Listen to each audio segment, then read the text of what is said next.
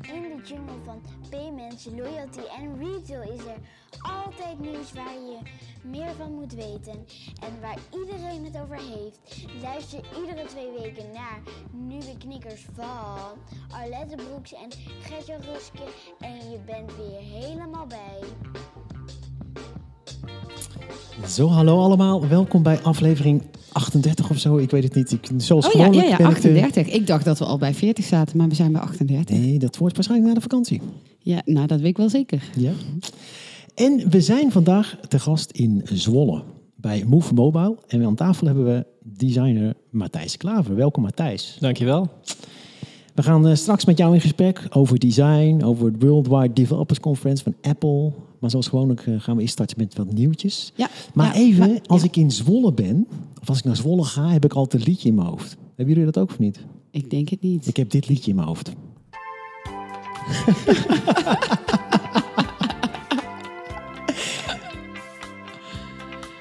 Daar komt hij. Elk weekend gaan Ja. wij via Harderwijk met de NS in richting Zwolle. Ja. Dit is een echte oudje. Dit is nul positivo's. En ik beloof dat we hem straks integraal achter onze outro monteren kunnen. Voor degene die nog even wil luisteren. Want Ja. ik, ik weet dat er een paar fans zijn van Verkoten in de Bie. Ja, nou, ik denk dat dat gewoon al de motivatie is om nu eh, de hele aflevering af te luisteren voor iedereen. hè? Laten we dan eerst nog even de refrein- horen. Dat is ook wel leuk eigenlijk. Zwolle, zonder dolle, is een einde stad. En zo zit ik al op de motor als ik hier naartoe kom.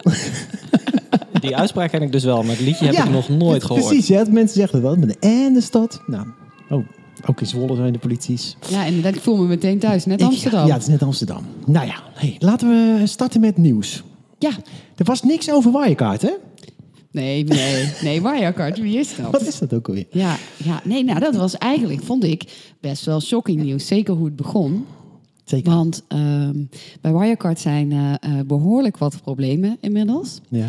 En eh, wij kennen Wirecard nog vanuit het verleden, omdat Ik we met hoor. hun hebben samengewerkt. Ik weet niks. nou, daar zijn foto's van. Jan. Nou, ik dacht wel, Foto's. het Oktoberfest heeft een sponsor minder. Ja, Oh, oh. ja, ja, nou ja, Wirecard is dus een partij ehm, die... overal in het nieuws worden ze genoemd vergelijkbaar als Adyen. En, eh, maar wij hebben samengewerkt met Wirecard omdat je ook een e-money license eh, via hun kon afnemen. Ja. En dan eh, kon Je je, praat al in de verleden tijd. Ja, nou ja, denk- aangezien het faillissement Ja, toch eh, nee, eh, behoorlijk eh, eh, boven hun hangt, praat ik inderdaad in de verleden tijd. Maar je kon dus dan met zo'n e-money license, als jij dan geld beheerde van jouw klanten, dan kon je dat geld veilig bij Wirecard stallen. Ja. En eh, wij hebben inderdaad het genoegen gehad om met hem samen te werken. Eh, en daarbij zijn we ook uitgenodigd geweest voor ehm, de Oktoberfesten. Meerdere. Dus, eh, ja, en, hij- ja, inderdaad. Ja. Ja. En daar zijn foto's van, Ja. mocht iemand interesse hebben. Maar 1,9 miljard weg. Stond wel op de balans, maar kennelijk niet bij de Ja, bank. nee, maar het begon dus inderdaad. Het begon heel erg shocking van Wirecard is 1,9 miljard kwijt. En dan denk je echt van, mijn god, het zal eh, maar het geld van jouw klanten zijn wat opeens verdwenen is. En eh, gaandeweg de eh, dagen, duurde niet eens weken, maar dagen, werd opeens duidelijk, nee, dat geld heeft nooit bestaan. Maar een creatieve boekhouder binnen Wirecard heeft dat gewoon erbij geplust om de resultaten een beetje op te krikken. Ja, ongelooflijk hè. Maar ik Ja. moest eigenlijk het eerst eh, denken aan wat blamage voor de toezichthouder eigenlijk. Ja, ja, En ik denk dat eh, uiteindelijk, ja, we hoeven er niet heel lang bij stil te staan, maar, want dit krijgt toch nog wel een keer een staartje. Maar zo'n Ernst Jong, want dat waren de huisaccountants, begreep ik. ja. Ja, dat is toch schandalig. Dat kan toch haast niet waar zijn dat er 1,9 miljard zomaar verdwenen is. Dan, Ja. dan denk je dat. Nee, maar ook hoe, hoe dat, als het eh, dus helemaal fictief was, hoe dat er dan plotseling bij komt. Hè, hoe Ja. doe je dat dan? Maak je dan een Excelletje en dan zet je opeens een extra rijtje erbij. En dan zeg je, nou, dan hebben we 1,9 miljard Ja, ook is nog. eh, en, is grappig, want ik zit natuurlijk met mijn eh eenpittersbedrijfje bij een accountant. Nou, als er 3 euro mist op de bankrekening, dan Ja. hangen ze al aan de telefoon. Hè? ja, Ja. Ja, en dan moet ik al met de bankisting brengen. En dat er dus nooit een telefoontje van de accountant richting de bank in Singapore is gegaan. Joh, staat er wel 1 miljard op Ja, de rekening ja. ergens. eh. ja, vooral omdat eh, wat ik nog gelezen had, was dat eh, de resultaten van Wirecard ook eh, veel positiever waren dan van vergelijkbare bedrijven. Ja. Dus dan kun je inderdaad je ook al vragen of ze zijn briljant of er gebeurt iets wat niet helemaal klopt. Terwijl ze ehm, operationeel wel heel erg waren van de procedure en de regels. Ja. Hè, dat weten wij uit eigen ervaring. Zij hadden best wel strikte regels eh, waar wij dan aan moesten voldoen. Zeker. Eh, maar die vergelijking met Agendi snapte ik niet helemaal. In die zin, ja, het is wel een fintech, maar het, is toch een heel ander bedrijf. Ja, dat dacht, dat dacht ik zelf ook. Eh, ik denk dat het meer is dat ze willen zeggen van het is eh, eh, een fintech van eh, behoorlijk formaat. Ehm, maar de business die ze doen is niet één op één vergelijkbaar. nee. En er kwam ook een vraag of eh Adyen blij was met de ondergang van Wirecard en of ze die klanten wilden overnemen. Maar daarvan zeiden ze van nee, dat is niet de intentie. En daarbij denk ik dat je nooit blij bent als zoiets gebeurt, want daardoor komt de hele sector weer onder een vergrootglas te liggen. Ja. Dus dat is nooit in je eigen voordeel. Nee, ik kan me dat niet voorstellen. Heb jij er nog als designer iets aan toe te voegen, Matthijs? Of, Vrij weinig, ben ik bang. maar je hebt wel dat nieuws, want dat ben ik dan wel benieuwd naar. Want jij staat dan misschien toch wat minder in die financiële wereld. En, maar je, heb je zo'n bericht wel gehoord dan? Nou, dat het die 1,9 miljard, die komt mij wel bekend voor. Maar ik heb het verder niet gevolgd vanuit... hey, herken ik dit Nee. ergens anders van. Ja, Maar het is ook wel grappig. Dat is, ik denk echt een beetje in-crowd die echt eh, daar wel Ja. in geïnteresseerd is. Denk ik. Ja. Eh, maar mijn moeder niet en jij ook niet, Matthijs. Nee. nee. Hey, ah, hadden we nog meer nieuws? Eh, ja, nog een kort nieuwtje over ehm, dat er eh, in Europa een nieuw initiatief is. De European... ik struikel er nu al over. Oh. Ja, er was een andere naam, die was veel makkelijker. Dat was Pepsi. maar nu heet die eh, European Payment Initiative. En ehm, dat is een eh, samenwerkingsverband van eh, meerdere banken in Europa, eh, waaronder ook ING. Zo ken ik het initiatief, want ik ben er een keertje bij betrokken geweest bij een van de workshops die daar waren. En dat is een initiatief om een heel nieuw scheme op te zetten naast een Visa en een Mastercard. En Visa en Mastercard wordt natuurlijk gerund vanuit Amerika. En eh, nu is de behoefte om vanuit Europa toch ook weer wat meer in de lead te komen met een eigen scheme. Dan kun je aan de ene kant zeggen waarom. Want als het werkt, dan werkt het. Eh, maar het heeft best nog wel wat impact dat eh, Amerika, eh, dat Visa en Mastercard Amerikaanse bedrijven zijn. Want Zeker. op het moment dat vanuit Amerika wordt gezegd: hey, wij willen met een bepaald land geen zaken meer doen, dan ondersteunt Visa en Mastercard dus, dat Ja. dus niet meer. Dus dat betekent dat Europese banken daar dan ook meteen van zijn afgesloten. Mhm. Ehm, dus dit is, is een interessant initiatief. Eh, het is iets natuurlijk wat uiteindelijk heel groot en complex is en nog wel een tijdje gaat duren. Ehm, dus de critici onder ons zullen zeggen, we zullen zien of het iets gaat worden. Ehm, maar ja, ik vind het wel spannend. Ik denk, als dat lukt, dan heb je wel straks echt Europese betaaloplossingen. Mhm. eh, die dus verder gaan dan een eh, SEPA Direct Debit bijvoorbeeld. Ja, maar wel op de, de SEPA-infrastructuur kan draaien natuurlijk. Absoluut, hij is op, absoluut op de SEPA-infrastructuur gebaseerd. Mhm. En wat ik eigenlijk wil doen, want ik wil niet te veel tijd nu afsnoepen van ons gesprek met Matthijs. Mhm. Dus ik wil eigenlijk voorstellen dat ik een eh, gast ga regelen over dit onderwerp. Ja, Vind je dat goed? Ja, doe jij dat maar. Ja? Dat lijkt me heel goed. Dan eh, kunnen we daar eens wat uitgebreider bij stilstaan. Ja, nee, want ik eh, even dan om af te sluiten. Gisteravond had ik toevallig met iemand een gesprek ging over meer over technologie en dat we natuurlijk als Europa, nou, we hebben eigenlijk op, de, qua tech- op het technologievlak niet zo heel veel in te brengen. Hè. Al onze smartphones draaien op Google of op Apple. 5G-technologie moeten we volgens mij een keuze maken tussen China en Amerika. Ja, Nou, op dit vlak kunnen we natuurlijk makkelijk zeggen, joh, we slaan de handen in één. We hebben al een heel super efficiënt betaalsysteem. Waarom niet een eigen scheme? ja Om, een precies. beetje, om een beetje onafhankelijk te worden te- hè, van de andere grote Ja. partijen. Ja, inderdaad. Not bad. Ehm, nou, weet je, we, eh, we, kunnen langzaam, langzaam, rollen richting design. Want er was Zeker. nog een groot nieuws. Ja, Want we, we hebben, we, er zit best veel tijd tussen onze vorige op, opname, hè, dat weet je.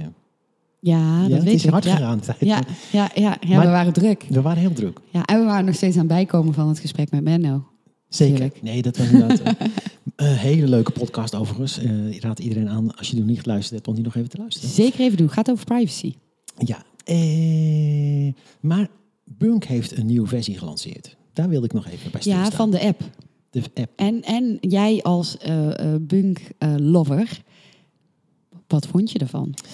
Nou, ik vond, het het was een aankondiging. Hè, zoals we gewend zijn, eh, had Bunk een, eh, een aankondiging. Maar ja, niet in het De Lamar Theater, maar nu gewoon op YouTube. De livestream. Mhm. Die heb ik gekeken, natuurlijk. Heb je ook zitten klappen? Enorm. ja. En ehm, nou, een van hun aankondigingen was een, eh, totale make-over van hun app, eh, V3. En eh, ik dacht eigenlijk, hè, want ik keek er natuurlijk heel geïnteresseerd naar. eh, en ze kondigden aan, nou ja, als je mee wilt testen, kun je meetesten. Nou, dat was een testgroep van slechts 100 man. Nou, ik denk per Android en per iOS, hè, 100 man. Het zat natuurlijk zo vol. Ja, ik had niet eens ja, de kans. Ja. En toen dacht ik, dat, dan komt het over als, nou, oké, ze gaan iets nieuws doen, maar dat gaat nog wel even duren. Ja, ja, ja, ja, want normaal met zo'n testgroep, dan moet je die testgroep natuurlijk een bepaald, eh, bepaalde tijd geven Ja. Om al die feedback te verzamelen. Dan ga je de veranderingen doorvoeren. En ja, Maar een paar maanden zou je zeggen. Tot mijn verbazing, ik kreeg ik eh, eerder een bericht al eh, via allerlei eh, Together communities van Bunk. Van hij staat al live en het is echt waardeloos. en Oh? 17 juni stond hij al live. En toen had Hoeveel ik, dagen zaten daar dan tussen? Nou, eh, 17 juni, 29 mei, dus nog niet eens drie weken. Nee. Nou, Nou, ik- dat was ik een vind- hele snelle beta. Ik vind het knap. ja. maar Thijs, jij hebt het ook een beetje gevolgd en ben Ja. je vanuit jouw vak. Eh, hoe, is dat op jou overgekomen, zo'n eh, nieuwe Bunk-versie? Nou, ik, ik moet zeggen, ik vind het hele bunk-debakel echt wel fascinerend. Ik volg het eigenlijk meer eh, via de derde rang. En dat is dan in mijn geval Twitter. En dan clasht het eigenlijk voor mijn gevoel tussen de punk-fans en misschien de, ja, de traditionele bankgebruikers, de ING-klanten, de Rabo-klanten. Ehm, maar dat was niet mals, nee, wat ik op Twitter allemaal heb gezien. Mhm. En eh, ja, ze hebben iets gedaan richting hun community. En ik denk dat dat verder gaat dan per se die V3-app. Ehm, maar ja, hun trouwste fans die beginnen nu ernstig te twijfelen. En ik zie heel veel reacties op Twitter, maar ook in de stores. En waarschijnlijk ook wel op het Together Forum van mensen die zeggen van nou, ik kap ermee. Ja, Dus dat is Oh. voor, voor Bunk is het niet best. Nee, Ja. maar is het ook niet een beetje vlek op vlek? Want eh, nu is het die V3-app. En eh, eh, een paar afleveringen geleden hadden we het hier over de pricing die veranderde. Ja. En over producten waarvan ze zeiden van kijk eens wat een goed nieuws voor jou. Terwijl eigenlijk als je het goed ging lezen was het helemaal geen goed nieuws. En dus worden ze niet een beetje te arrogant ten opzichte van hun klanten? Nou, misschien dat. Maar ik, er zit ook weinig coherentie in. Dus ik, ik, ik zie, het, het, het, voor mijn gevoel gaat alle kanten op. Er zit er niet een, een bepaalde richting in of zo. Nee, zo stonden er geen bomen in de app, in de nieuwe versie van de nou, app. sterker nog, ik was 200 bomen kwijt. Oh, Dat moet nog, die moeten nog daar teruggevonden kan ook een Nee, voor echt waar. zijn. Nee, kijk, even, heel even dan eh, voor mij als... eh, kijk, ik hou van verandering. Ja? Ja. Kan mij niet hard genoeg gaan. Ja, Dat ja, weten dat mensen. Klopt. Jij houdt niet van, eh, van stilstand. Ik hou niet van stilstand. Nee. Dus ik op die nieuwe app, ik was natuurlijk toch nieuwsgierig. En voor mij was het super handig, moet ik eerlijk zeggen. Want eh, de, eerdere opzet van, van de Bunk app was... als jij een bedrijf hebt en je hebt een privérekening... heb je eigenlijk per rekening heb je een profiel. En eh, in mijn geval had ik eh, drie bedrijven en één privérekening. En als ik iets wilde doen tussen die, die verschillende rekeningen... moest ik iedere keer van profiel wisselen. Wat super irritant is. En wat ze nu hebben gedaan is eigenlijk één cockpit. Zo zou ik het kunnen omschrijven, denk ik. Waar je in de, het overzicht hebt van alles wat je bij Bunk doet. Dus je hebt eigenlijk een soort één Bunk hoofdaccount. En dat hebben ze ook geïntroduceerd om veel makkelijker eh, klant te worden bij Bunk. Dan hoef je niet eh, per se door de hele customer due diligence heen. Want je wordt eigenlijk op een ander niveau klant bij hun. Gewoon, je wordt Bunk-gebruiker. Zo noemen ze dat volgens mij ook. En als je echt een IBAN wil openen, ja, dan moeten ze wat meer van je weten. En dan ga je door de CDD heen. Dus op zich Ja. wel een slimme truc, denk ik. Om, eh, ja, truc. Een manier, ik denk ook wel vanuit ehm, gebruiksvriendelijkheid. Denk ik. Hè, Dat je makkelijk, op een makkelijke manier klant kan worden. En als je meer wil van Bunk, ja, dan is het ook meer eh, logisch dat ze meer van je vragen. Ja. Dus En ik, is was, het dan, ik, eh, ik was wel blij met, eh, met de Want, nieuwe- want is dan hun idee dat ze, ehm, hè, want jij zegt pas als je een IBAN wil, moet je door de customer due diligence heen. Maar is hun idee dan ook dat je ook allemaal andere diensten af gaat nemen dan een rekening? Dus het is niet meer zo dat een, een bankrekening bij Bunk de basis is van hetgene Klopt. van je relatie met Bunk. Klopt, je kan ook gewoon slicen bijvoorbeeld. Hè? Dus alleen een rekening slicen. Ja, daar hoef je niet per se bunkeland voor te zijn... Nee. in de zin dat je een e-mail nodig hebt. Dus ik was er wel blij mee, maar het nadeel was alleen... ik had 200 bomen ges- gespaard op een zakelijke rekening. Die waren in één keer verdwenen. Oh, Maar die komen weer terug, oké. hebben ze me beloofd. Maar dat vind ik dan toch ja. weer knap, want ik eh, stuur dan via die Together community een vraag. Nou, ik had echt binnen 15 minuten antwoord. Ja. In de tijd dat eh, bijvoorbeeld mijn bunk ontploft was. Ja, ja. En zou het dan zo kunnen zijn, want voor jou is het een voordeel omdat je en zakelijk klant bent en privé, maar dat die mensen die nu allemaal zeggen, hey, wat hebben ze nu gedaan, ik zie het voordeel er niet van, dat die niet eh, eh, twee rekeningen hadden en dat die dus zoiets hebben van, ja, maar ja, voor mij is het alleen maar gedoe. Ik, dat denk ik. En ik denk dat dat iets, maar dan kunnen we Matthijs eens even vragen. Ik denk dat mensen zijn natuurlijk gewoontedieren. En een bank-app, dat is toch een app die gooi je niet zomaar van je telefoon af. Hè. Dat is een Nee. app die je bijna dagelijks gebruikt. En als die zo radicaal omgaat qua design, ja, ik denk dat je dat echt in stapjes moet doen. Hoe, hoe, hoe kijk jij daarnaar, Ma- Matthijs? Ja, je kan dat in stapjes doen. Ehm, ofwel, ja, je, je, je hoeft niet het zo te zien dat elke nieuwe versie van je app er totaal anders eruit ziet dan eh, de vorige. En ik denk, ja, binnen bankieren apps, als je, als je de grote Nederlandse banken naast elkaar legt, ik denk dat die, nou ja, laten we zeggen, voor driekwart overeenkomen qua basic navigatiestructuur. Waar druk je op om geld over te maken?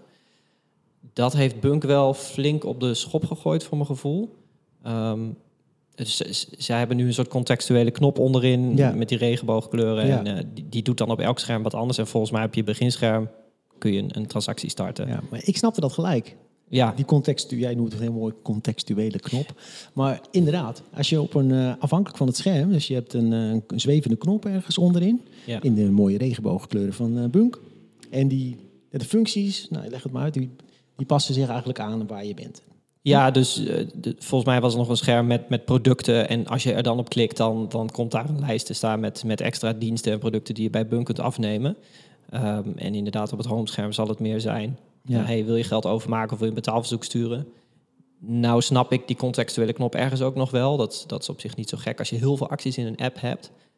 Alleen, kijk, als je een e-mail-app bent, ja, een e-mail schrijven zal altijd een, een superbelangrijke eh, knop moeten zijn. En ik denk dat dat een beetje hetzelfde eh, geval is bij Bunk. Ik denk dat ze de, de, de overboek, eh, betaalverzoekknoppen, dat ze die niet in die, in, in die contextuele knop hadden moeten stoppen. Ik denk dat dat een stukje had geholpen. Ja, als je die uit, ja, en misschien op een later moment wel. Als mensen wat meer aan die Ja. interface gewend zijn of zo. Ja. Ja. Ja. ja. alsnog denk ik aan de andere kant gewoon... Ja, je- volgens mij wil je gewoon de app openen en klik. Wil Ja. je in ieder geval die twee acties Ja. eh, wil je kunnen initiëren. En dat kan nu niet. Nou ja, goed, daarvan zou je kunnen zeggen, je went eraan. Mhm. Oké, zover eh, wil ik ook nog wel gaan. Ja, ik, ik begrijp dat er daarnaast heel veel eh, om de Instagram-feed is te doen. Die, met die heb ik helemaal niet gezien. Nee, nee ik, ik dacht dus ook van... Oh, is dat dan het beginscherm van de app geworden? Nou ja, Maar moet ik- je even uitleggen hoe de, wat, ze, wat ze gedaan hebben hoor. Ja, dus dit vond ik dan. Ik vond het dan eigenlijk ook wel weer grappig. Dus eh, elke bank in Nederland heeft volgens mij een eh, kopje nieuws met een notificatiebolletje erbij. Als ING-klant in ieder geval. Ik heb hem wel. Ehm Bunk heeft dat de tweede pagina in de bottom navigation gemaakt. Dus de, de balk onderin met vier knopjes hebben ze erin. En die heet dan From Us, volgens mij. Mhm. Of van ons. En eh, zij hebben denk ik nieuws best wel op een grappige manier ingestoken. Inderdaad, iets meer als Instagram, grote foto, lekker titeltje. Nou, dan klik je erop en dan, dan is het nou, een nieuwsbericht. Net zoals dat elke bank een nieuwsbericht naar je wil kunnen pushen. Maar die zijn traditioneel vaak een beetje weggestopt in het instellingenmenu. Ja. Zo van, nou, dat, dat maar meestal zijn ze niet. ook niet zo interessant. Nee, klopt. En daarom dacht ik dus van, nou, weet je, ehm, ze zijn toch wel iets meer een, een, een marketinggerichte bank in die zin. Dus ik, ik snap best dat ze, ze hebben best wel veel aankondigingen, sexy nieuws om te, te verspreiden zo af en toe. Ik moet zeggen dat ik het zo gek nog niet vond. Ehm, en dus nu is die hele community volgens mij eh, over de zeik deels dus over het feit dat het een, een Instagram-app is geworden. En ja, het is wat mij betreft gewoon een iets andere invulling van een nieuwspagina. Ja, precies. precies. hey, je bent lekker aan het praten, Matthijs. En wij zijn al 18 minuten bezig. En we hebben nog helemaal niet gezegd waar we precies in Zwolle zijn. Nee, Want we zijn vandaag de gast bij Move Mobile in Zwolle. En daar werkt Matthijs. Klopt. Kan je even even even kort iets meer vertellen over Move Mobile? Ja, eh Move Mobile is eh, in 2012 opgericht ehm, als, eh, als appbouwer. Eh, is eigenlijk alleen nog maar gegroeid. Eh, ik ben zelf in 2016 aangehaakt. Eh, ondertussen zijn we een full-service eh, bureau en eh, ja, werken we eigenlijk aan strategie en design, maar leveren we ook de volledige techniek. Dus dat betekent backend, frontend. En heel specifiek hebben we heel veel ervaring op eh, native ontwikkeling voor Android en iOS. Ehm, nou, daar haak ik dan als eh, designer eh, samen met het designteam op aan. Dus ja, wij, wij werken aan, aan hoe moet het eruit zien, hoe moet het werken. UI slash UX design noemen we het zelf. En ja, dat is een spannend speelveld. Dat doen we voor klanten als Plus, Engie, ehm nou, fintech specifiek. Rabo Smartpin is de app die wij zelf bouwen.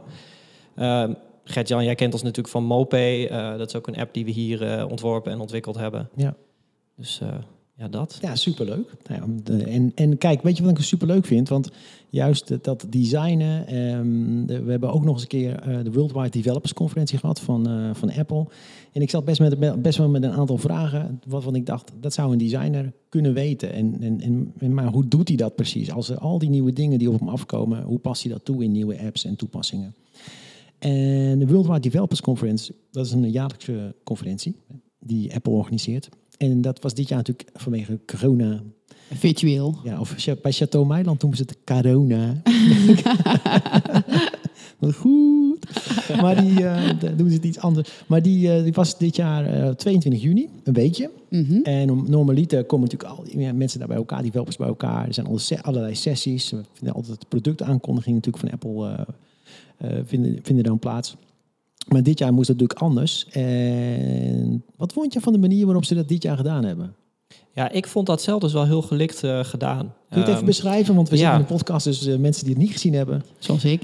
Nou, precies. Nou, WWDC is in, eh, in, in Silicon Valley, ik dacht San Jose, heb ik dat goed? In ieder geval, ze hebben altijd een of ander mega conferentiecenter. En ik denk dat daar zo'n... of volgens mij gewoon in San Francisco, dacht ik. Maar, eh, Ja, ja, nou ja, in, in dat gebied. En daar komen dus zo'n, ja, volgens mij 3.000, 4.000 mensen altijd op af. Ontwikkelaars specifiek. Dus als jij softwareontwikkelaar bent voor Apple, dan kun je je daarvoor aanmelden.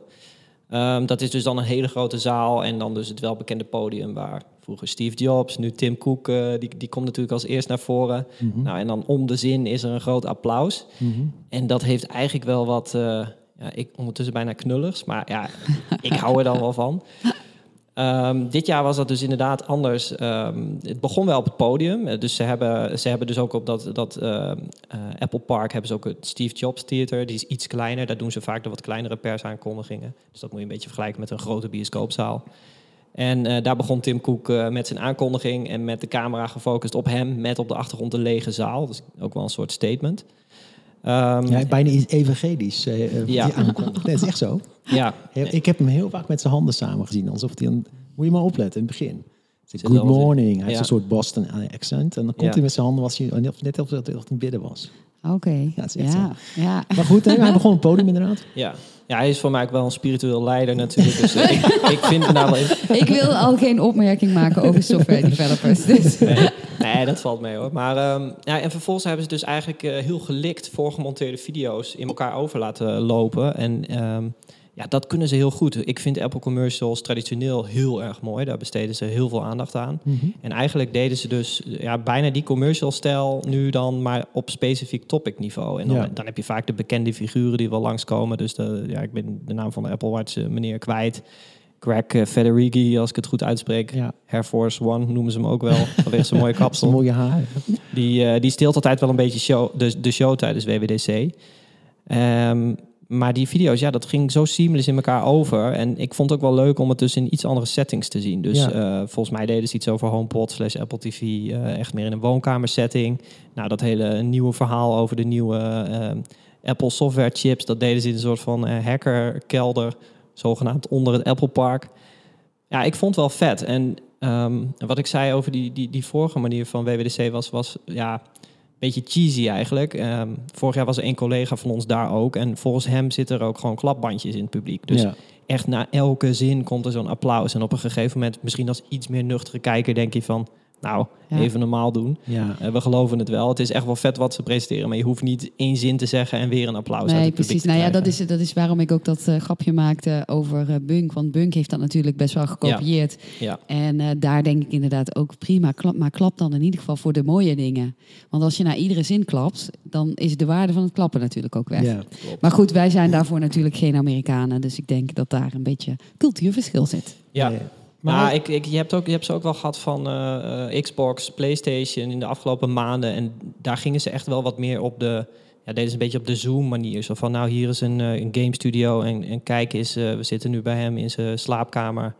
Ja. En, en persoonlijk ja, is dat toch wel wat minder gelikt dan in dit geval hoe Apple het nu heeft gedaan. Mhm. Waarbij ze toch echt wel heel veel aandacht in de productiekwaliteit hebben gestoken. En, Ja. en niet zo van, nou, ik klap mijn MacBook open en vervolgens ga ik vertellen waar Apple eh, volgend jaar naartoe gaat. Nee, ik vond, eh, vond het heel mooi gedaan. Ik vond, ehm, wel de aankondigingen. Want wat, wat, wat ik wel eh, leuk vind als ze dan specifiek over de Apple Watch iets gaan vertellen, dan is er echt iemand die daar bij wijze van spreken een jaar of twee jaar in het geheim aan gewerkt heeft. En die mag dan heel enthousiast vertellen over dat product. Dus natuurlijk Ja. zo leuk, sowieso leuk om te zien. Maar dat is wel super Amerikaans. Echt eh, ongelooflijk, weet je wel. En soms net iets te overgeproduceerd, vond ik het. Maar de manier waarop, en het was best lang, want het duurt bijna een uur. eh, nou ja, Twee uur, ja, bijna twee Ja. uur. Maar het vliegt voorbij. Het is Ja. net, eh, het gaat echt. eh, Kunnen we het nog terugkijken ergens? Als we Tuurlijk, nieuwsgierig kun je- zijn geworden? Ja, ik zal in de show note nog een linkje zetten. Je kan op YouTube terugkijken. Eh, daar heeft Apple ook gewoon een kanaal Ja. bij Google. En eh, op Apple, bij Apple zelf geloof ik ook. Dus dat zou ik, ik zou ik zeker even aanbevelen, want het is heel grappig.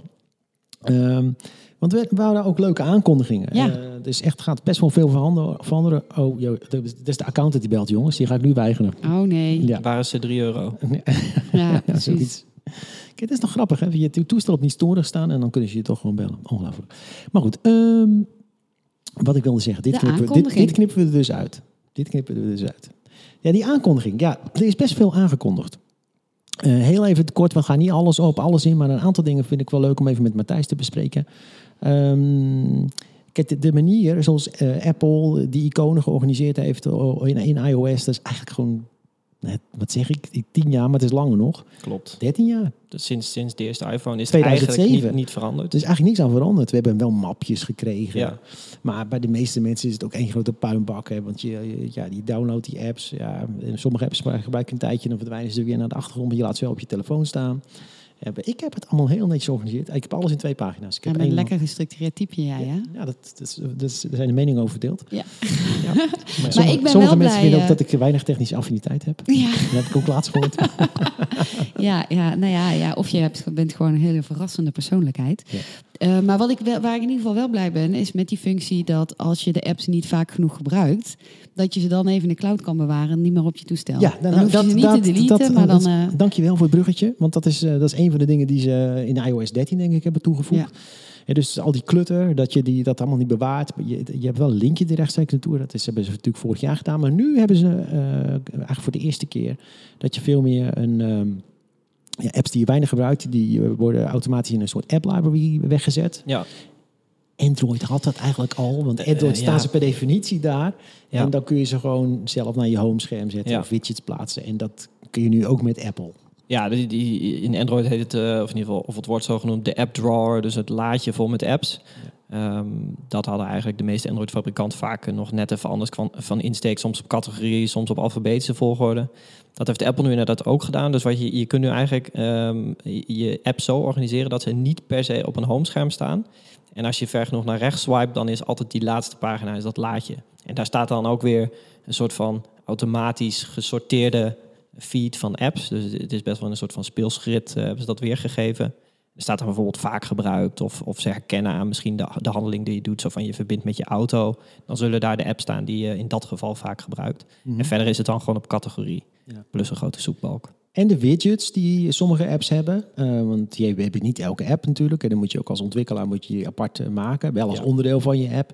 Die worden nu veel prominenter in beeld. En dan kun je Ja. ook veel meer mee. Want je kunt ze nu zelf eigenlijk op het homescreen zetten. Of waar je wil. Klopt, ja. Widgets is op zich niet nieuw in iOS. Dat zit er eigenlijk al best wel lang in. Maar dat, dat is altijd een, een- zijscherm. Dus vanaf het lockscreen of vanaf je homescherm swipe je opzij. En daar zitten ze dan. Dus eigenlijk ook weer heel verborgen. Ja, eigenlijk verberg je nu straks je apps in, die, in, in dat laadje. Maar goed, widgets zaten altijd dus al in dat verborgen laadje. En die kun je nu dus prominent op welke plek dan ook op je homescherm zetten. Ja, je kunt een veel gepersonaliseerder homescherm maken. Hè? Ja, klopt. Maar, en, en hoe kijk je daar als designer tegenaan? Want dat, dat vind ik nou typisch iets van eh, dat ik als ik aan een app zou werken van hey, dit kan best interessant zijn eh, als app. Ja, klopt. Omdat best wel veel eh, apps zijn, zijn misschien best wel single use. Van, eh, ja, ze, ze, ze geven je een status of ze geven je een knopje om iets aan of uit te zetten. En daar is zo'n widget nou bij uitstek geschikt voor. En eh, daar zag je dat Android het ook al eh, nou ja, heel lang ook al ondersteunen. Gewoon op het homescherm om je muziekplayer of je, je e-mailtjes, je laatste e-mails of je nieuwe agenda afspraken. Om die altijd in zicht te hebben. En dat is altijd het nadeel geweest van de iOS widgets, is dat ze verstopt zaten in het laadje. Dus hoe handig ze ook waren, je moest er altijd nog weer een handeling voor verrichten om ze te openen. Ja. En nu is het zo, ja, je opent je telefoon en op het homescherm staat daar wat jij wilt dat er staat. En als je er geen behoefte aan hebt, dan, dan kun je alsnog gewoon de klassieke standaard iOS-stijl homescherm instellen. Maar hoe doe je dat nou vanuit Move Mobile? Jullie zijn een, een, een agency, die maken meerdere apps. En dan komen dit soort updates uit op iOS. Ga je daar dan ook actief bij wijze van spreken een klant iets een voorbeeldje van laten zien wat je ermee kan doen? Ja, zeker. Dus die normaliter de widgets wel vaker dat we zeiden van joh tegen een klant van dit zal vet zijn. We kunnen, we kunnen voor de- deze specifieke feature van de app zouden we heel mooi een widget kunnen maken. Maar daar, ja, daar was eigenlijk nooit zo heel veel interesse in. Ehm, ik denk het voordeel wat ik eerder ook al wel zei van deze nieuwe widgets is dat ze veel prominenter zijn. Dus dat je ehm, in, in die zin je conversie veel hoger zal liggen in het gebruik. Ehm, kijk, als jij 50 apps op je telefoon hebt, je hebt niet behoefte aan 50 widgets. Dus je zult alsnog wel selectief moeten kijken van nou, biedt die app echt eh, een meerwaarde of iets wat je met die widget wilt kunnen doen. Maar daar zijn genoeg eh, use cases voor te verzinnen. Ja. En heeft Apple zelf dus ook al een leuke standaard eh, bibliotheek voor gemaakt. Eh, Heb je nog een leuke feature voor banken? Eh, voor Bunk zou ik, zou ik gaan een, Ja. eh, een overschrijfknop in de widget zetten. Dan kunnen gebruikers alsnog in één klik. Of Ja. die feed met die Instagram Ja. post misschien. Ja, Ah, ja precies. ah, ja, of, eh, of iets eh, eh, eh, betaalverzoek slash sticky-achtigs. Ja, maar dat, dus ik denk zoiets zou voor een bank perfect zijn. Volgens mij ING had, heeft al bijvoorbeeld wel een, een widget voor je saldo. Maar ja, dat, dat is natuurlijk wel vet als je dat wilt uiteraard. Dat je dat op je homescherm kunt zetten of, of, of een knop. Dus inderdaad om direct een verzoek te sturen. Ja, Wat je natuurlijk al wel had, was dat je een icoon eh, hard in kon drukken en dan Ja. een aantal functies daaronder hebt. Ja, Maar ja, die staan redelijk verborgen. te natuurlijk. Moet je- verborgen. ja maar dat is meer, eh, die is echt in de categorie je moet het maar weten. Je moet het weten. Klopt. En dat is het nadeel eh, gelijk inderdaad. Dat is ook het nadeel van het laadje met widgets wat we voorheen hadden. Ja, zeker. Een van de andere dingen die eh, mij opvielen eh, waren appclips. Heb je dat gezien, Alet? Appclips? Ehm, nou ja, ik heb het natuurlijk niet gezien, want ik heb Oh, niet nee, meegekeken. niet Maar jij hebt mij er wel over verteld. ja, ja. Ehm, en eh, ik ben wel benieuwd wat dit gaat betekenen. Eh, je mag, eh, maar ik denk dat Matthijs het beste kan uitleggen Ja, maar wat de zijn. Want ik, ik eerst even als de boeren, boeren, boeren L, zeg maar. Hè, Ja, hoe ja, ik het ja. zie. En dan mag Matthijs en kan dan van, van een prof- professionele blik iets over zeggen. Voor mij was het iets van als gebruiker, je hoeft geen app te installeren. Dat, die heb ik, dat is wat ik, bij mij achter is gebleven. Maar als ik bijvoorbeeld mijn auto wil parkeren en ik heb eh, niet Park Mobile of iets anders. En er zou bij zo'n spreken ergens een QR-code staan of een NFC-chip. Of, eh, dan kan ik even mijn telefoon er tegenaan houden, piep. En dan heb ik gewoon direct een deelfunctie. Bijvoorbeeld, eh, nou, pa- parkeer hier je auto. En dan kan ik gelijk betalen met Apple Pay. En dan eh, is het geregeld. Ja, ja, en wie levert die functie dan? Wie levert die dienst? Ja, dat, dat kan met dingen binnen. Dat, dat doen wij dan voor je. ja, nee, nee, maar ehm, dat is, een- is, een- is een goede vraag hoor. Dus die appclips eh is niet zozeer eh, dat Apple die bouwt. Apple die zegt eigenlijk van nou, je kan dit gebruiken als ontwikkelaar. En je kan dus als jij een bepaalde app hebt zeggen van dit specifieke stukje willen we een appclip maken. Dat, dat hoeft ook niet één functie te zijn. Je kunt ook best dat opsplitsen in meerdere appclips. Dus bij wijze van, niet het beste voorbeeld, maar inderdaad eh, voor, je- voor ING zou je kunnen zeggen, nou, overmaken of betaalverzoek, dat zouden twee losse clips kunnen zijn. Hoewel je daar natuurlijk wel een onboarding voor nodig hebt. Nee, maar Park Mobile is een heel mooi voorbeeld eh, om, om even snel te kunnen parkeren. Het voorbeeld wat Apple zelf gebruikt is zo- zo'n deelfiets. Dus je staat daar op straat en je denkt, oh, ik, dat is handig, dat wil ik. En traditioneel gezien moest je dan natuurlijk de app, de app helemaal downloaden, een hele onboarding Ja. door. Vervolgens ook nog je creditcard of zo koppelen. Ja. Dat kun je eigenlijk, nou ja, overslaan niet, maar je kunt dat eh, versnellen. Dus je, je, je scant die code dan via NFC of een soort speciale ronde, best wel coole QR-code scan je dan. En vervolgens eh, opent er dus dat specifieke stukje van die app. Dus dat is dan in het geval, laten we zeggen, zo'n zo'n deelfiets. ehm, het aanmaken van een account, maar dat kan natuurlijk in één klik met eh, sign-in met Apple. Ja, precies. En de hele betaling en vervolgens ook, kan ook weer in één klik, Ja. dus met Apple Pay. Maar je kunt het ook vrij inrichten. Dus je kan alsnog zeggen, ik ga mijn eigen onboarding erin doen, maar misschien eh, maak ik hem iets sneller dan normaal. Ehm, ja. Ja, nou ja, dat is eh, wel natuurlijk een hele interessante ontwikkeling. eh, omdat we in de afgelopen jaren al zagen dat je als app steeds beter je best moet doen om een consument te overtuigen dat je een plekje op de telefoon verdient. Ja. En hiermee wordt het natuurlijk nog makkelijker gemaakt Ja. voor consumenten om dat niet te doen. En eh, Apple speelt daarin dan weer een hele prominente rol in het, eh, in het klantcontact. Hè, met eh, eh, sign-in en met Apple Pay. En dus, dus het is wel interessant om te kijken van... wordt hiermee de positie van Apple nog machtiger? En ehm, ja, gaat, gaat het, het merk van de dienstverlener... gaat die nog meer naar de achtergrond? Of blijft die toch genoeg ruimte hebben om klantenbinding eh, tot stand te brengen? Nou ja, ik denk dat je, eh, laten we het niet noemen wegwerp-apps, maar misschien is dat wel een klein beetje wat het is. Je hebt natuurlijk heel veel apps die je maar eh, in hele korte momentjes wilt gebruiken. Eh, Uber, nou, jij pakt altijd de trein of de, de motor naar Zwolle, maar we hebben geen Uber in Zwolle. Maar als ik in Amsterdam ben of in een andere grote stad, wil ik dat gebruiken. Maar dan heb ik dus de hele tijd die Uber-app, laat ik maar op mijn telefoon staan, terwijl ik hem selectief gebruik. Misschien een aantal keer per jaar, maar het mooie van die appclips is dat je dus kunt zeggen, we, we pakken bepaalde eh, flows eh, van een app en eh, dat hoeft niet per se dus meer de app te zijn die altijd maar op je telefoon staat. Ehm, hij is er voor je op het moment dat je het nodig hebt. Ja, ja. en ehm, hoe, hoe kom je dan bij die app? Hè? Want jullie zeiden net al van, je kan dan een QR-code scannen. Ja. Ehm, en, want ja, eigenlijk wat mijn vraag is, is het nou zinvol om ervoor te zorgen dat je de eerste bent in een bepaalde categorie? Kun je daarmee eh, een sterkere positie hebben? Of maakt dat uiteindelijk niet zoveel uit? Nou, die, die QR-code die je scant is overigens wel van de appbouwer. Want die is echt gelinkt Ja. aan de app. Dus die Klopt. moet jij zelf ook dan verspreiden. Ja, ja, ja. En dan Ja. moet jij die zelf op die fietsen gaan plakken. Ja. Of, Ja. eh, Ja, Dus eigenlijk is parkeren in Nederland eh, een heel slecht voorbeeld. Omdat we hier meerdere aanbieders hebben. Dus dat, ik zou niet eens weten hoe je dat moet oplossen met een appclip. Nee. Tenzij Nou ja, je een soort guerrilla marketing overal pakmobile. eh Ja, maar precies. Dat is dan inderdaad Dat de vraag. Van, eh, als jij eh, een goede distributie hebt van jouw QR-codes. Maar die, dan, die, maar die steps of die fietsen is een goed Ja. voorbeeld. Want die worden natuurlijk vaak door één Ja. partij neergezet. Ja, en die kun je dan gewoon, eh, zonder dat je de app downloadt, kun je dat dat direct gebruiken. Ja. Maar wat, wat mij meer eerder opviel en wat heb ik me bedacht. Het is wel, Apple creëert hier veel meer nog een lock-in voor jou. Hè? Jij bent veel meer, want die, die, die telefoon, daar kan ik in één keer een fiets mee huren. Ik hoef niks meer te downloaden. Eh, Ik ben, ben, ben gesigned in met, met Apple, met mijn Apple ID. Ja, als ik de volgend jaar een nieuwe telefoon koop, dan bedenk ik me nog wel even of ik nog wel een Android wil. Snap ja, je? Het is, precies. Ja, dat snap ik heel goed. Ja, dat is natuurlijk dat met eh, eh, value-added services, met hele goede diensten, maak je ook een device waardevoller. maar ook, maar ik weet niet hoe jij dat ziet, Matthijs, een beetje een gevaar voor developers, wat ik, wat ik toch wel zie. Apple eh, ja, is eigenaar van het platform. En wat ik eh, afgelopen jaren ook al zie, is dat steeds meer functies of apps die ooit met een, door een, eh, door een, eh, app-developer eh, op de markt gebracht zijn, vaak zo heel succesvol, die maakt Apple uiteindelijk zelf. Ja. Het is eigenlijk, eigenlijk in design thinking moest ik echt denken, ja, je zit eigenlijk als groep app developers met al je creativiteit, zit je in een soort ideation fase. Je bedenkt allemaal leuke dingen, je probeert dingen. Het ondernemingsrisico ligt bij jou. Je, kan, je hebt op zich een heel mooi platform. Maar tegelijkertijd loop je ook het risico dat Apple gewoon die functie van je kaapt. Als nou een goed voorbeeld is de Apple Watch. Apple, eh, de Apple Watch eh, is, eh, is voor, straks komt Apple met een eigen sleep, sleep tracker. Ja, Zij kunnen natuurlijk eigenlijk al zien welke apps eh, het goed doen en wat, wat mensen willen gebruiken. En dan bouwen ze het gewoon zelf. ja, ja.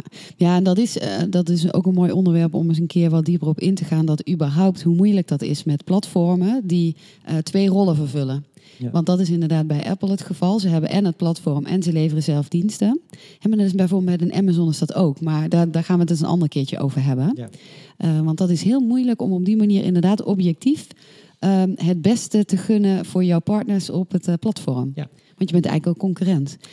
En waar, Ja. ik nog, waar ik nog benieuwd naar was, is eh, voor zo'n eh, aanbieder van zo'n dienst.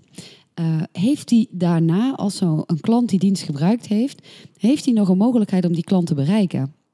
Nou, die, die appclips, eh die leeft een bepaalde tijd niet, niet eens op je homescherm. Ehm, hij komt in het laadje terecht, eh, weten we ondertussen. En je kunt tijdelijk pushberichten aanzetten. Ja, hoef je ook geen toestemming voor te geven, begreep ik. Hè? Je hebt eigenlijk impliciet, als je de appclip gebruikt, heb je impliciet toestemming gegeven voor een aantal functies. Voor een bepaalde periode. Ja, oh, dat, dat wist ik niet, maar Ja, dat, dat- zou me niet verbazen. Ja. Nee. En, en je, je krijgt een timeframe inderdaad om, om Ja. pushberichten te kunnen versturen. En het is ook zo, na een tijd verdwijnt hij weer. Mhm. Ehm, een ander voorbeeld wat Apple zelf gebruikt was als je een leenauto in het buitenland ergens zou gebruiken.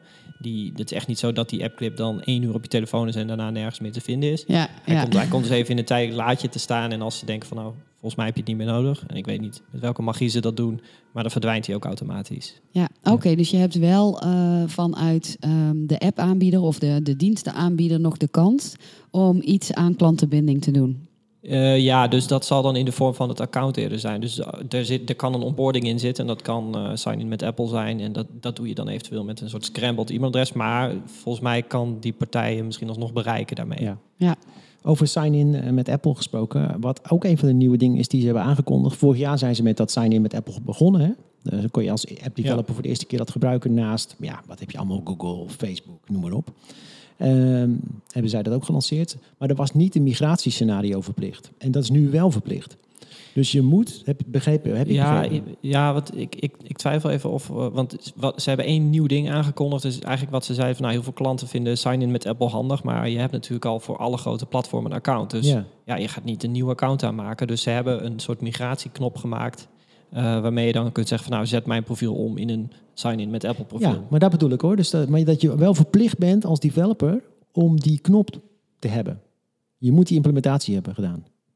Da- ik weet niet zeker of die knop verplicht is. Wat ik wel weet, je had, je had net in, op 1 juli is het verplicht voor een app-update. Dus als je een, een, een nieuwe update van de app als ontwikkelaar eh, richting de store eh, pusht, is dat je die sign-in met Apple knop erin moest hebben. Dus dat, Ja, ja. dat moet dan ook alleen als je überhaupt eh, third-party eh, logins aanbiedt. Dus heb je een Facebook of heb je een Google login knop, dan moet en zal die Apple knop erbij staan. Sterker nog, het. op de bovenste positie. Ja. Je, zou, je zou als bank eh, Google login hebben. Dan moet je dus verplicht Apple. Klopt. Ja, we, hier- we hebben het hier meegemaakt deze week. nou ja, niet als spoedje, want we zagen dat aankomen. Maar waarbij we hem met een bestaande update hebben meegenomen om die knop erbij in te zetten. Ja, oké. Grappig. Ja. En want eh, zien we dat eigenlijk als een voordeel? Is dat, eh, want eh, vanuit eh, eh, gebruiksvriendelijkheid van de klant is het natuurlijk super makkelijk. Hè? Eh, net zoals dat eh, Apple Pay super makkelijk is. Maar zien we dat ook als voordeel voor ehm, de app-eigenaar of niet? Of wat vinden we daarvan? Nou jij, kijk, je hebt als klant wel vrijheid. Want je kan zelf zeggen, mijn e-mailadres moet gemaskeerd zijn of niet. Ja. Toch? Ik denk dat ja, precies voor de klant is het een extreem voordeel. Voor veel bedrijven die meer gericht zijn eh, op, op het datamodel achter, zal het iets minder prettig zijn, omdat Ja. er minder informatie beschikbaar is. Ja. En zitten er ook kosten aan verbonden? Nee. Nee, niet, niet zozeer voor, eh, voor de implementatie. Dus, of tenminste, je moet het natuurlijk bouwen. Eh, maar er zijn wel bedrijven die iets moeten doen in hun architectuur om het gereed te maken voor sign met Ja, Apple. ja, Dus maar het is niet dat je per login nog Nee. iets moet betalen. Nee. nee, dat niet. Nee. En ik denk van, ja, gewoon vanuit privacy perspectief denk ik wel dat het Ja. goed is. Ja. En daar hebben, hadden ze trouwens ook nog nieuws over. Hè, want ze gaan ook jou straks op eh, Safari bijvoorbeeld bij het bezoeken. Dus banken, let op welke trackers je allemaal eh, Ja. hebt lopen. Er komt gewoon een soort privacy rapportje. Klopt. Ja. Iemand zei me een, eh, een paar jaar geleden hoor, misschien is privacy wordt het ooit je core business. Nou, bij Apple lijkt het onder andere een core business te worden, Ja. denk ik. Ja, en dat het, ze hebben Ja. hetzelfde ook gedaan nu in die, in die stores met een eh, soort ingrediëntenkaart van eh, data die via die app wordt vergaard. Ja, Dus dat, dat, dat is nu verplicht om, eh, Ja. mocht je dat toepassen in je app, om dat ook aan te gaan geven. Eh, dus dat komt eigenlijk als een soort ja, eh, kaartje dus bij de, de App Store Ja. pagina te staan. Ja. Moet ik En dat is kijken- natuurlijk supergoed. lijkt een beetje op Ja. onze privacy kompas. Weet je nog dat Ja. we ooit een privacy Ja, kompas hadden? inderdaad. Oh, wat een heel mooi privacy Ja. kompas. Ja. Hey, en die appclips deden me ook een beetje denken aan progressive web apps. Maar heel kort Ja. even hoor, maar eh, dat is ook een technologie die je vaak ook op Android-telefoons ziet. Kun je het Ja. daarmee vergelijken? Of, eh, Ehm, op een manier wel. Eh, het voordeel van PWA's, eh, Progressive Web Apps, is dat je die ook eh, vrij snel kunt installeren. Het is vooral op Android werkt dat echt wel heel erg goed. Ehm, ja, je, je, je, je draait dus eigenlijk de, de mobiele website, zo moet je het een beetje zien, als een soort van app. Dus je hebt ook niet meer de, de interface van je, van je Chrome-browser in dat geval erboven zitten. Dus het, draait fullscreen. En het voordeel is eigenlijk dat dan dus dat die website, die PWA, kan ook nog op de achtergrond draaien. Dus die kan nieuwe data binnenhalen of die kan bepaalde data lokaal opslaan. Dus dat als je geen internetverbinding hebt, dat die het ook push doet. ondersteunt je ook geloof Push inderdaad. Ehm, ja. op, op iOS eh, ja, is het minder bekend vooral. Dus je kunt, je kunt wel een app, een, een, een webpagina toevoegen aan je homescherm. Mhm. Maar je hebt niet de, de, de volle suite eigenlijk aan, aan functionaliteiten die Android je dan wel biedt. Dus ja, we krijgen best wel vaak de, de, de vragen van klanten. Alleen ja, het is niet hetzelfde als bijvoorbeeld het lanceren van een app richting de stores. Dus Nee. je, je zal voor iOS is het, Ja. ben je dan benadeeld. Hey, en eh, ik had nog iets anders gezien. Eh, CarPlay. Daar biedt Apple nieuwe functies aan. Oh. Let op, Park Mobile, Ease to Pay. En wat hebben we allemaal voor aanbieders? Yellow Brick. Yellow Brick. Eh je mag parking nu ook aanbieden als app voor CarPlay. Oh, wat fijn. Want Ja. dan kun je gewoon eh, op je touchschermpje in de auto zeggen start eh, parkeren. Ja. CarPlay hebben ze en eh, quick ordering, dus eh, jitsen. Je kan... eh, Dat is heel logisch heel vanuit logisch, de auto. Vanuit de auto. Ja. En EV charging. Dus als je een, Oh ja, uiteraard. Ja, met behalve je Tesla, hè? ja. ja maar dat, nu Tesla gaat dat niet. gewoon allemaal met pasjes. Nee, dat is... Nee, maar als je, zo, als je bij zo'n eh EV eh Ja, laadpaal eh, de- staat, ja, moet je maar- gewoon een pasje ja, tegen maar die paal die zitten dus kennelijk ook in je auto of zo, weet ik veel. Of kun je je account, als je een account hebt natuurlijk in een app, dan zit dat ook in je CarPlay-extensie. Dus dan kan je dat gewoon direct gebruiken. Hoef je niet je telefoon te pakken. Ja. Denk ik. Ja, het is alweer duidelijk dat wij geen eh, elektrische rijders zijn. Nee, Hè? Vallen we nee. toch weer even door de mand. Ja. Hey, eh, gezien de tijd. Want normaal let jij op de tijd. Maar, Ja, eh, maar je zit wil- eh, zo in het onderwerp Ja, enorm. dat je het eh, niet Ik- in de gaten bent Laten we richting een afronding gaan, want ik vond het zo gezellig en leuk om Ja, met maar ik wil, ik wil sowieso wel nog één vraag stellen. Dus dat is dan de laatste vraag. Dus als je nog iets wil vragen, moet je Nou- dat nu doen. Want mijn vraag is de laatste vraag. Oké. En, eh, Ik wilde vragen of Matthijs nog een keer terug wil komen. Oh ja. nou, dat is dan gewoon een opmerking. Dat telt nou, niet als dan vraag. maken we daar een soort jaarlijks ritueel van sowieso naar de WWDC. En, eh, maar bijvoorbeeld ook met Google. Want dat, dat wil ik namelijk nog even specifiek over jouw beroep vragen. Want ja, je kan wel leuk voor Apple designen, maar je Mhm. designt ook voor Google, neem ik aan. Ja. ja, specifiek als Move Mobile zijn, dus daarmee ook wij eh, als designers, eh, ja, wij, wij werken bijna altijd voor beide platformen. Eh, sterker nog, ik denk eigenlijk alle apps die we doen zijn er zowel voor Android als iOS. Ofwel, we maken een website. Ehm, dus wij zitten nooit zo heel erg vast aan die lock-in of, of, of gaan heel specifiek tegen een bepaald deel van het OS eh aanwerken. Ehm, dus Mhm. ja, je, je had het eerder over lock-in. Eh, kijk, vanuit klanten krijgen wij gewoon eigenlijk altijd wel de vraag... eh, we willen dat het werkt op Android, we willen dat het werkt op iOS. Eh, je, je kan het niet permitteren om... Nou, en dat is eh, een vuistregel die niet helemaal klopt... maar je kan niet de helft van je gebruikersgroep Nee. negeren. Maar je kijkt dus ook Google I.O. Zeker, ja. Ja, oké. Nou, dan weten we dat voor de volgende keer. Ja, Ja. Wat wil je nog Ja. vragen? Nou, mijn eh, laatste vraag is eigenlijk voor eh, alle luisteraars. Van, heb je, hè, er zitten heel veel productontwikkelaars tussen. En eh, natuurlijk ook vanuit de financiële hoek. En mobiel is heel belangrijk. Heb je nog een best practice wat je met hun wil delen? Nou, zorg dat je gewoon een eh, lekker design hebt, zou ik bijna zeggen. Nee, ik, ik denk, eh, nou, wat je, wat je natuurlijk met apps, eh, en dat is niet van gisteren, maar wat je hebt gezien is dat gebruikers heel veel verwachten van de app. Je ziet het aan de banken, nou, daar begon het gesprek mee. Ik denk dat dat een heel goed eikpunt is. Mensen zijn echt, die hebben echt zoiets van, ja, als die bank-app maar goed is, want anders dan stap ik over. Ja. Dus je ziet dat, dat eigenlijk alle Nederlandse banken daarmee echt best wel gefocust zijn op hun gebruikers en ja, heel veel prettige functionaliteiten toevoegen. En daarom is zo'n bunk dan ook wel weer leuk, die wel even eh, volgens mij alle banken een schop onder de kont heeft gegeven. Om te zeggen van ja, maar dit zijn gewoon features die je wilt als bank. En je ziet het aan de gebruikersgroep, dat die dus in de basis daar ook wel heel tevreden over waren. Ja, ja. nou ja, want hè, we hebben dat in het begin hebben we het gehad over natuurlijk het commentaar eh, op de nieuwe Bunk-app. Maar we hebben toen niet genoemd dat toen Rabobank aan de slag ging met een Zo. nieuwe app. Hè, die hebben het ook wel even pittig gehad. En Nou. inmiddels, eh, want jij, Jan had het opgezocht, staan ze wel weer op 4,5 ster. Eh, dus ze hebben dat wel weer bij eh, weten te trekken. Maar eh, ook daar heeft het wel even gepiept en gekraakt Nou, eh, ja. aan de Kroeselaan, denk dat, ik zo. Dat, eh, dat heeft het acht uur journaal gehaald toen, eh, kan ik me nog herinneren. Ja, en die zijn ooit volgens mij ook met een totaal vernieuwde app live gegaan. En juist Ja? de, de, Ja. de huidige versie van de app, die, die wordt, heel, wordt eigenlijk in veel kleinere stapjes eh eh, geüpdate. Dus het Ja. zal nooit zo zijn dat je een week later de app opent en dat die totaal anders is qua navigatie. Nee, Ja. daar hebben ze van Ja. geleerd. Inderdaad. Daar hebben ze echt van geleerd. Oké, eh, gaan we afronden?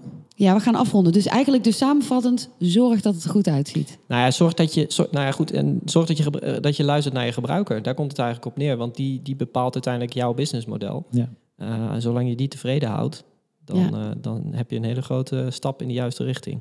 Ja, dat klopt. Dat klopt. En dan eh, zeg ik ook nog, want als gebruiker zeg ik dan eh, tegen die eh, banken allemaal... ga een beetje aan de slag met dat financial health, money management, Ja. dat soort dingen. Ja. Want daar lopen een paar banken een beetje in achter. Ik zal geen namen noemen, maar... Ja, maar dat, dat, daarom, dat, dat vind ik dus super vet aan Bunk. Daar, dat is volgens mij de enige die gewoon heeft ingebouwd dat je precies kunt zien waar je geld naartoe gaat in alle categorieën. Ja.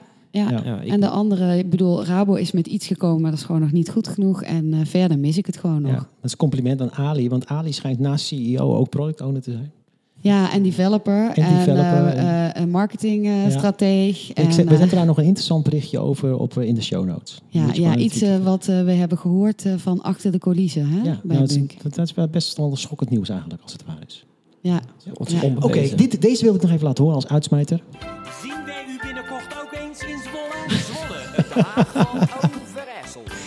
En dan gaan we lekker vrolijk door voor- met deze. Hey, bedankt voor het luisteren. Ja, en dankjewel Matthijs om Graag gedaan, eh, jullie dit- ook. voor alle wijsheden die je met ons gedeeld hebt. Dat was super interessant. Zeker, ik vond het echt heel leuk om met je te praten hierover. En eh, we zien je graag snel een keer terug naar de, nou, de, de Google I.O., denk ik. Ja, insgelijks. eh, mei eh, volgend jaar is dat dan. Ja, Zien we elkaar dan. oké. En mensen, druk op die abonneerknop. Hè, want dan eh, heb je automatisch weer een berichtje voor ons als we er weer zijn. Ja, En, precies. Tot snel. Ja, tot de volgende keer. doei. doei. Doei.